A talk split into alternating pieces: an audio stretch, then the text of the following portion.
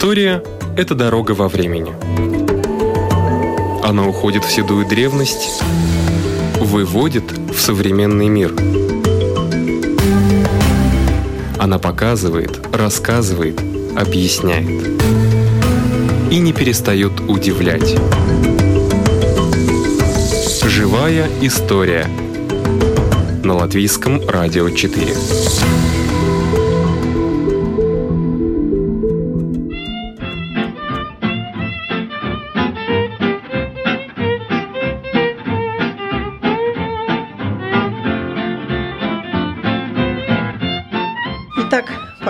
Вся культурная жизнь Риги и Латвии стоит без движения практически, все-таки в музеях что-то происходит. И, надеюсь, не напрасно. Например, в музее Романа Суты и Александра Бельцовой готовится выставка. Заведующая музеем Наталья Евсеева. Что за выставка будет? Выставка называется «Орликин и Пьеро. Вечный праздник. Дух межвоенного времени». Рассказ будет об образах комедии Дель Арта Эрликина Пьеро, вынесено в заголовок выставки, не только о них, Коломбина, которая обычно создает этот любовный треугольник, другие персонажи. Комедия Дель Арта была очень популярна в начале XX века, и не только в театре, но и художники в своих работах часто обращались к этим образом, и вот э, рассказ о том, почему так произошло, можно будет обо всем этом узнать на выставке. А вторая линия сюжетная нашего проекта. Это карнавалы, которые организовывали художники здесь, в Риге, в 20-е и 30-е годы. Собрали мы информацию о том, как это проходило, отзывы в прессе, описание того, как э, люди веселились, художники богема какие маски, опять же, они выбирали для карнавалов. И здесь свидетельства как раз говорят о том, что Орликин Пьеро, Коломбина, Пьеретта были тоже самыми популярными масками и для карнавалов. Мы будем показывать картины, графику, эскизы для театральных постановок, в которых можно увидеть эти образы комедии дель арте, фотографии, которые запечатлели вот эти карнавалы рижские. Нам, опять же, откликнулся и готов был предоставить, и нам удалось, несмотря на все эти трудности теперешние, с пересечением границ получить из коллекции Александра Васильева два костюма, как раз-таки Пьеро и Коломбины, 20-е годы, костюмы, которые носили на карнавал. Их тоже можно будет увидеть, сравнить с тем, что видим мы на фотографиях, а также Александр Васильев любезно предоставил фотографии из своей коллекции, правда, в сканированном виде, где тоже можно увидеть моменты таких вот веселых карнавальных с переодеванием мероприятий, проходивших здесь в Риге, именно здесь у нас, в Латвии э, в 20-е годы. 30-е. Так Также... хочется спросить, откуда у него да. эти фотографии? А вот он наши? сказал, что смог это купить здесь, где-то mm. на барахолке у антикварщиков, целую коллекцию фотографий. Более того, эти фото частично были им предоставлены для изданий зарубежных, они публиковались с указанием на принадлежность к его коллекции. То есть они действительно интересны для специалистов и не только для нас, кого интересует местная жизнь сто лет Наталья, назад. вот вы смотрели эти фотографии, знакомые лица тоже были там? Честно говоря, не нашла.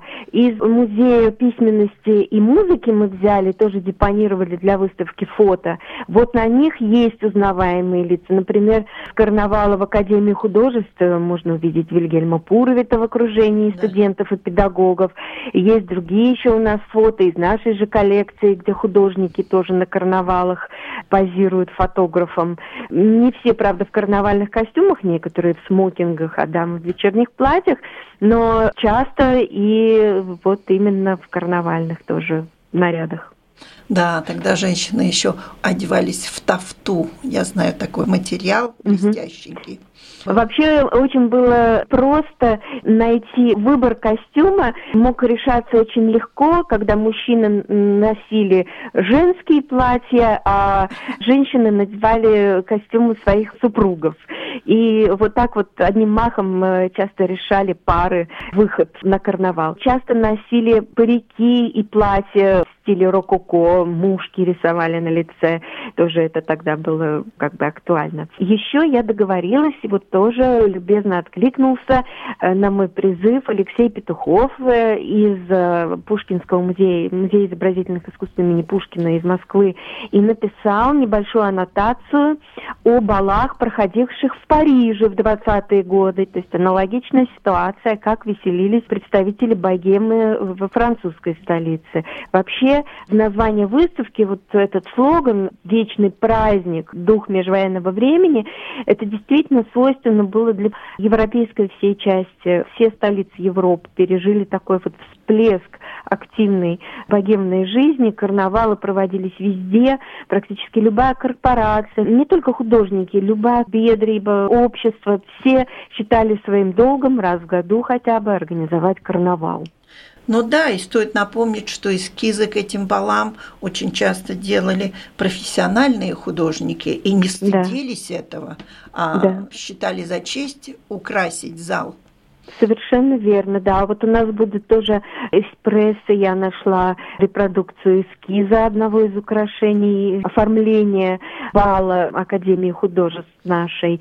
И есть фотографии отдельные, на которых можно разглядеть часть убранства. Ну вот э, не совсем карнавал художников, но балы прессы, Роман Сута, наш герой, оформлял в 20-е годы и в начале 30-х. В общем-то, действительно, это было не. А в Париже так и подавно известно, что и именитые художники э, действительно украшали балы, делали декорации. Ну и, конечно, малоизвестные имена, может быть, которые до нас не дошли сегодня. Ну, вы готовитесь. А как думаете, пройдет это? Мы, как, наверное, и многие, готовы к сценарию А, Б и С. Если даже публика не сможет в апреле прийти и увидеть все своими глазами, мы планируем в социальных сетях публиковать фотографии, информацию об этой выставке по частям, по небольшим порциям, видео выкладывать. И планируем видеолекции. В частности, вот Алексей Петухов согласился о парижских балах рассказать нам поподробнее. Я думаю, это будет весной. И и это будет онлайн, соответственно, любой желающий сможет к нам присоединиться. И предварительное согласие я получила также от специалиста из Латвии, Анита Ванага. Она именно детально изучает сценографию художников, работавших с театром здесь, в Латвии. И я надеюсь, она сможет нам рассказать как раз о постановках, связанных с темой комедии «Дель арте» здесь, в Латвии, в 20-е годы.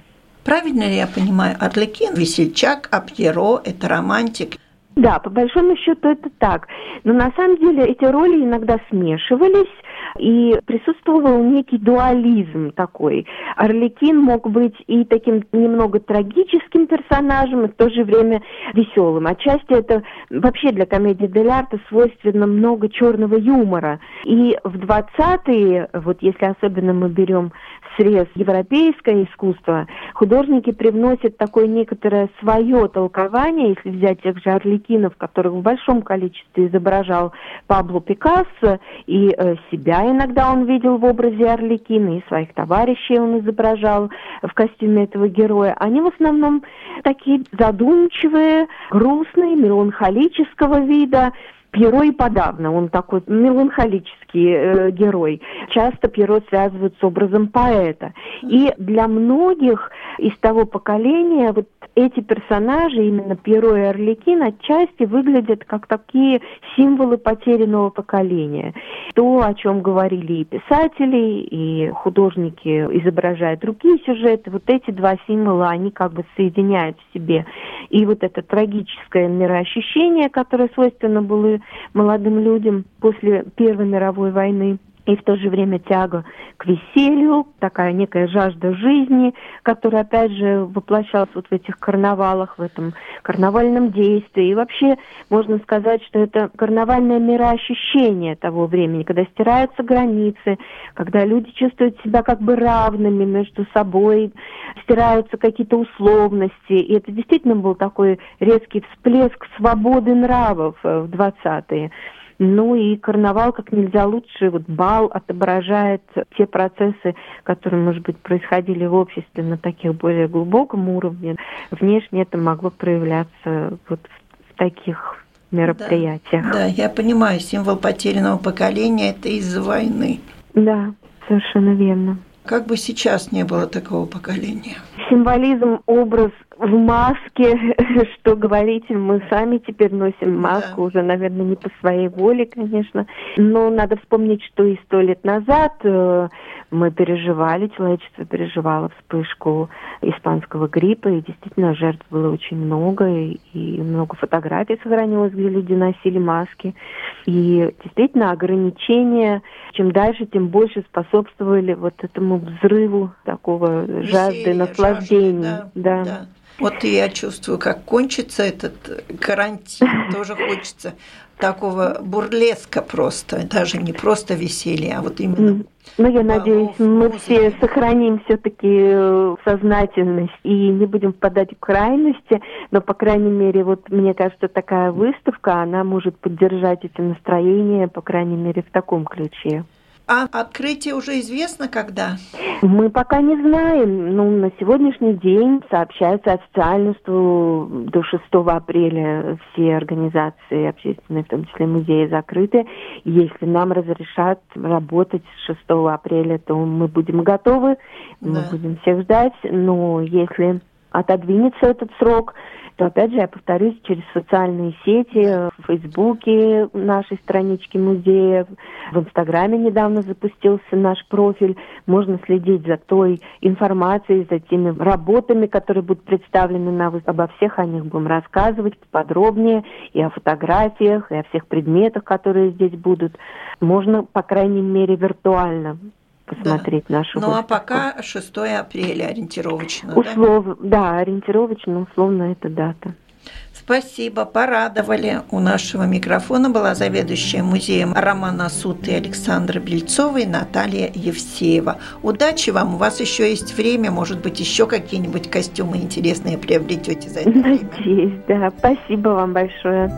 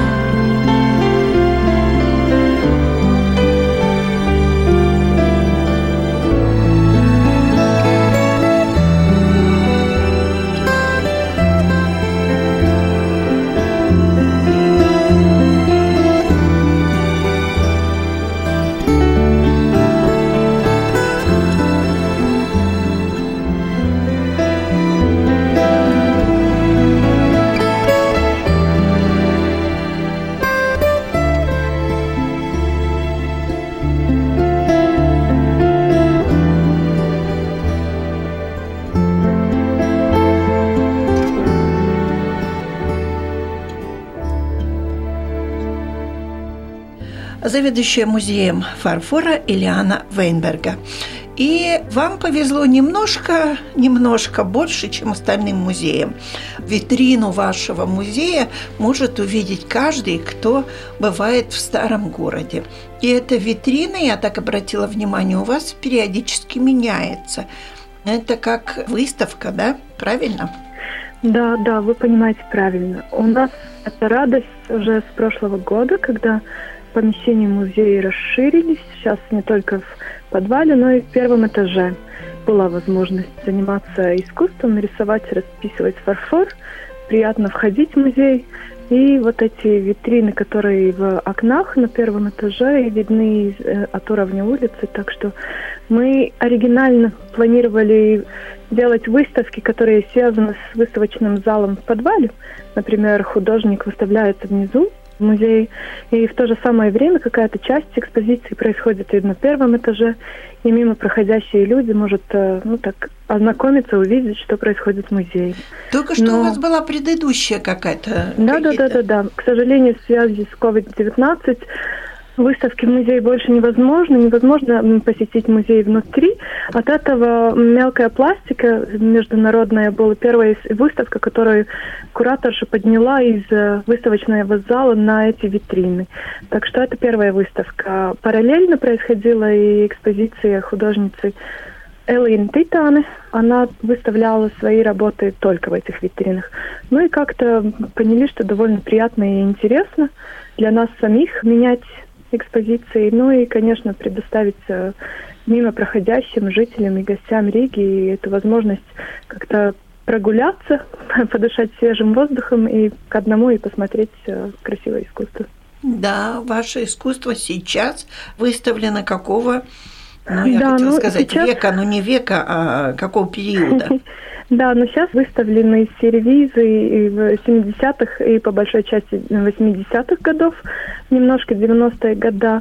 Это такая экспресс-выставка, с помощью которой мы хотели проинформировать людей, с одной стороны показать красоту, но и с другой стороны проинформировать людей, какие вещи производились в то время, конкретно чайные чайные и кофейные сервизы. И это немножко связано с э, тем, что сейчас этот период очень популярный. Люди покупают, продают вещи, и много пишут в музее, интересуются про даты, когда что производилось, про авторов, которые делали формы и декор. Ну и чтобы не только отвечать на имейлы и на телефонные звонки, но чтобы людям была эта возможность э, пройти мимо и ознакомиться с самим, что-то понять, что-то узнать сейчас э, происходит не можно сказать, что выставка, но экспозиции форм авторов, работы авторов, да, художников э, из фарфорового завода, конкретно, ну, по большой части 80-х годов. Но это Рижский фарфоровый завод, да? Это Рижский, да, Рижский фарфоровый завод. И даже есть сервизы, которые имеют название. Да, ну, это такая традиция не только в Рижском фарфоровом заводе, но и в фарфоровых заводах вообще давать название сервизам. Не только сервизом, но и индивидуальным э, предметом тоже там для ваз и комплектах фарфоровых давали название. В Риге популярно, что это женские имя по большой части, но не только. Есть и другие названия города, предметы и так далее. Да, когда-то меня интересовало, есть ли мода на посуду. И, к сожалению, я сейчас могу констатировать, что в интернете очень ну да. часто предлагают такие уникальные сервизы и, в принципе, за небольшие деньги. Если вспомнить советское прошлое, за сервиз, да, те же самые эти Мадонны, сервис Мадонна, да за нее вообще готовы были отдать все что угодно, чтобы хозяйка получила. А сейчас сервизы как-то вышли из моды, что ли? Ну, это связано с периодом Советский Союз и формы производства и формы употребления, конечно, отличаются от наших дней. И в то время было очень трудно получить да. какие-то вещи. От этого люди очень хранили, очень искали, пытались сохранить все, может пригодиться. Но в наши дни, когда все более-менее легко получается, получаемое тогда, конечно, люди не хранят, отдает, э, выбрасывает э, и так далее. Так что я не могу сказать, что это мода. Я думаю, это чисто связано с э, какими-то экономическими, социальными большими формами периодов. И Советский Союз очень отличается от наших дней. Да.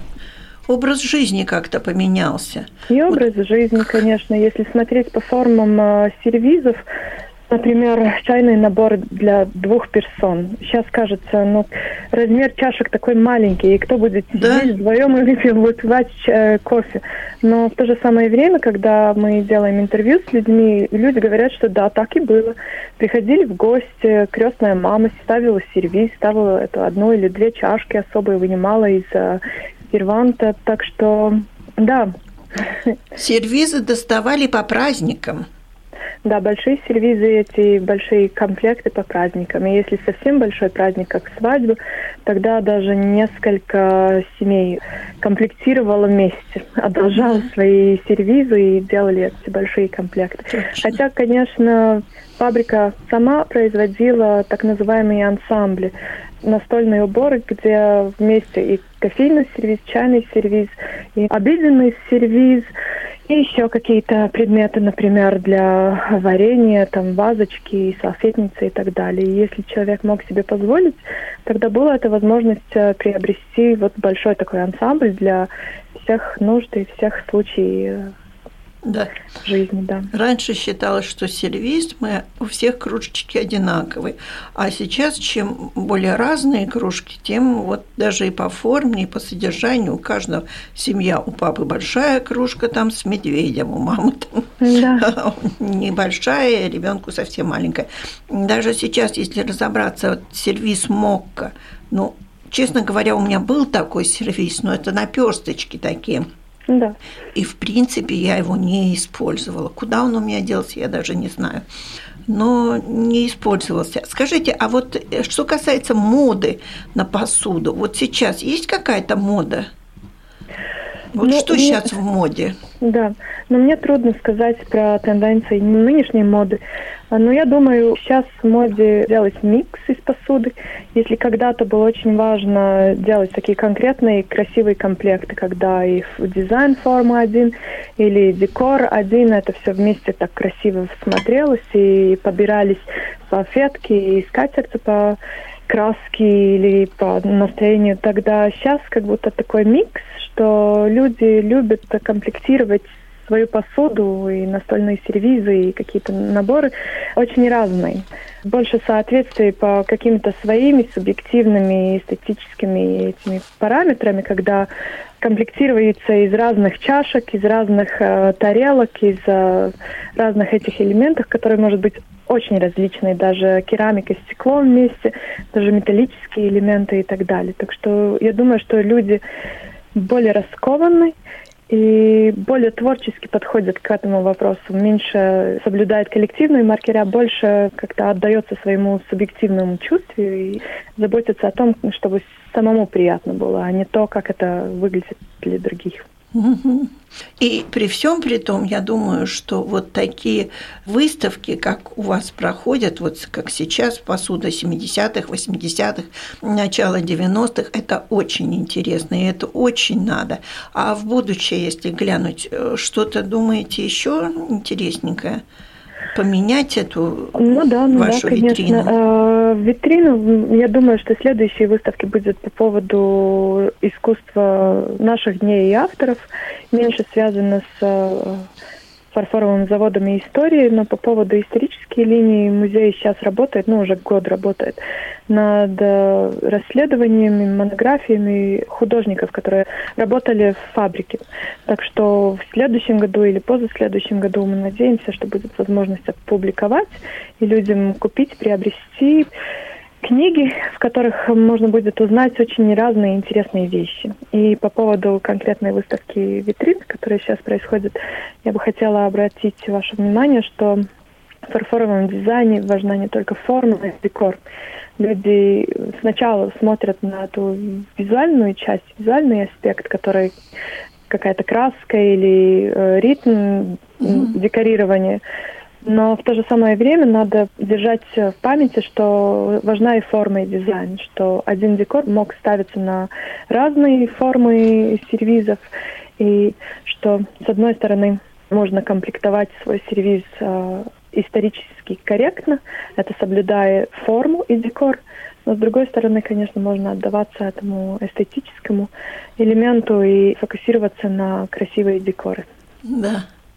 Вы говорите, что будут книги о художниках, которые работали с посудой. Я думаю, что таких вот выдающихся их совсем немного.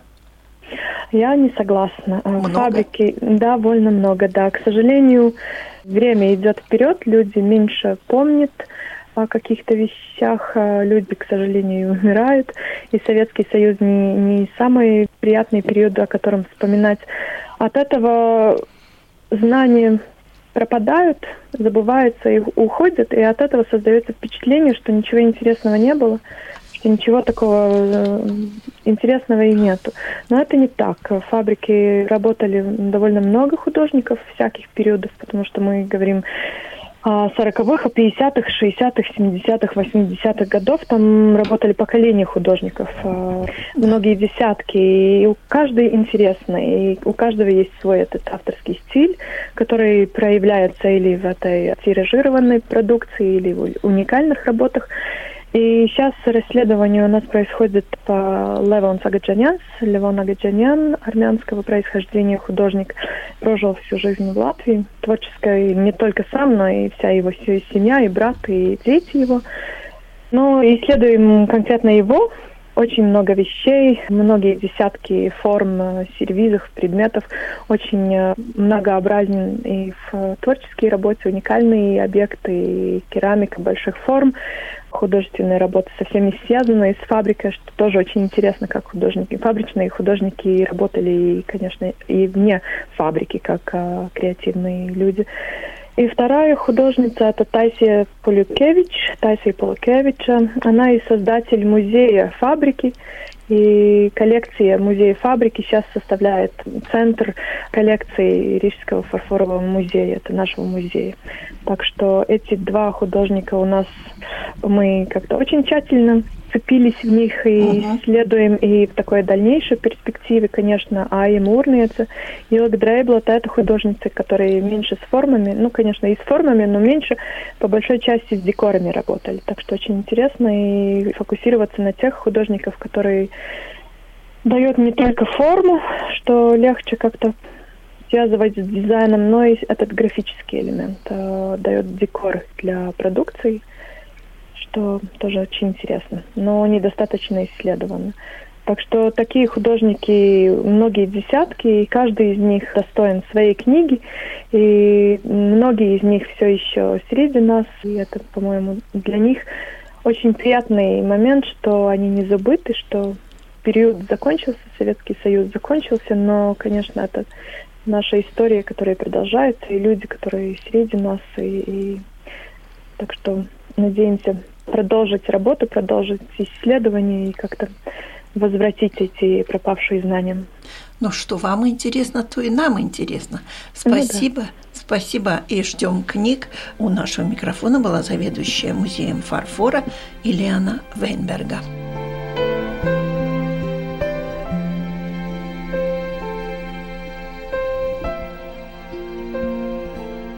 Наш следующий собеседник – Влад Пугачев – и он обучился гончарному делу в рамках экспериментальной археологии.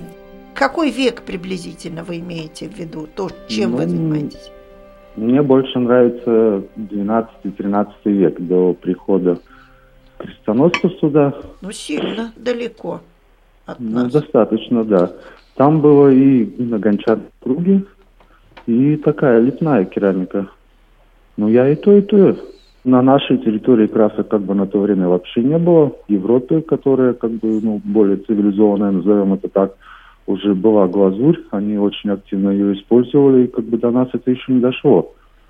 Я так понимаю, потому что находок на то время еще не было. Уже когда с приходом ордена, тогда уже и сюда пошла такая посуда, уже более красивая, скажем так, назовем это. Но вас интересует та, которая некрасивая. Не, ну она тоже красивая, просто она очень отличается. Она не такая яркая, не было глазури, не, не использовали. Ну, И формы какие? Формы используются и до сих пор, они более-менее, ничего там особо не поменялось. Горшки как были горшками, так они и остались. Да. Кувшины глазурью покрыты, они были более такие роскошные, там всякие орнаменты, покраска, это все. У нас такого не было. Кувшины даже не встречал ни в книгах, нигде, чтобы у нас использовали так. В основном вот горшки, всякое такое. Потому что есть находки вообще, как бы сказать, до нашей эры, неолит, палеолит, там уже глиняная посуда, которая с обжигом. А глину уже... брали на месте или привозили? Ну, я думаю, что, скорее всего, на месте. Привозить, ну, я даже не знаю, как в то время привозить. Да. Но у нас местная красная глина, да? Да. Вы можете повторить вот такую же посуду сделать, да? Ну, я вот пытаюсь, но, как бы, скажем так, учиться где, потому что некоторые виды посуды, даже то же самое лепное, они очень такие кропотливые, потому что они слепить с глины, вот с добавлением этих гранитных маленьких камешков, очень довольно-таки трудно сделать тонкую посуду. Она нестабильная во время лепки.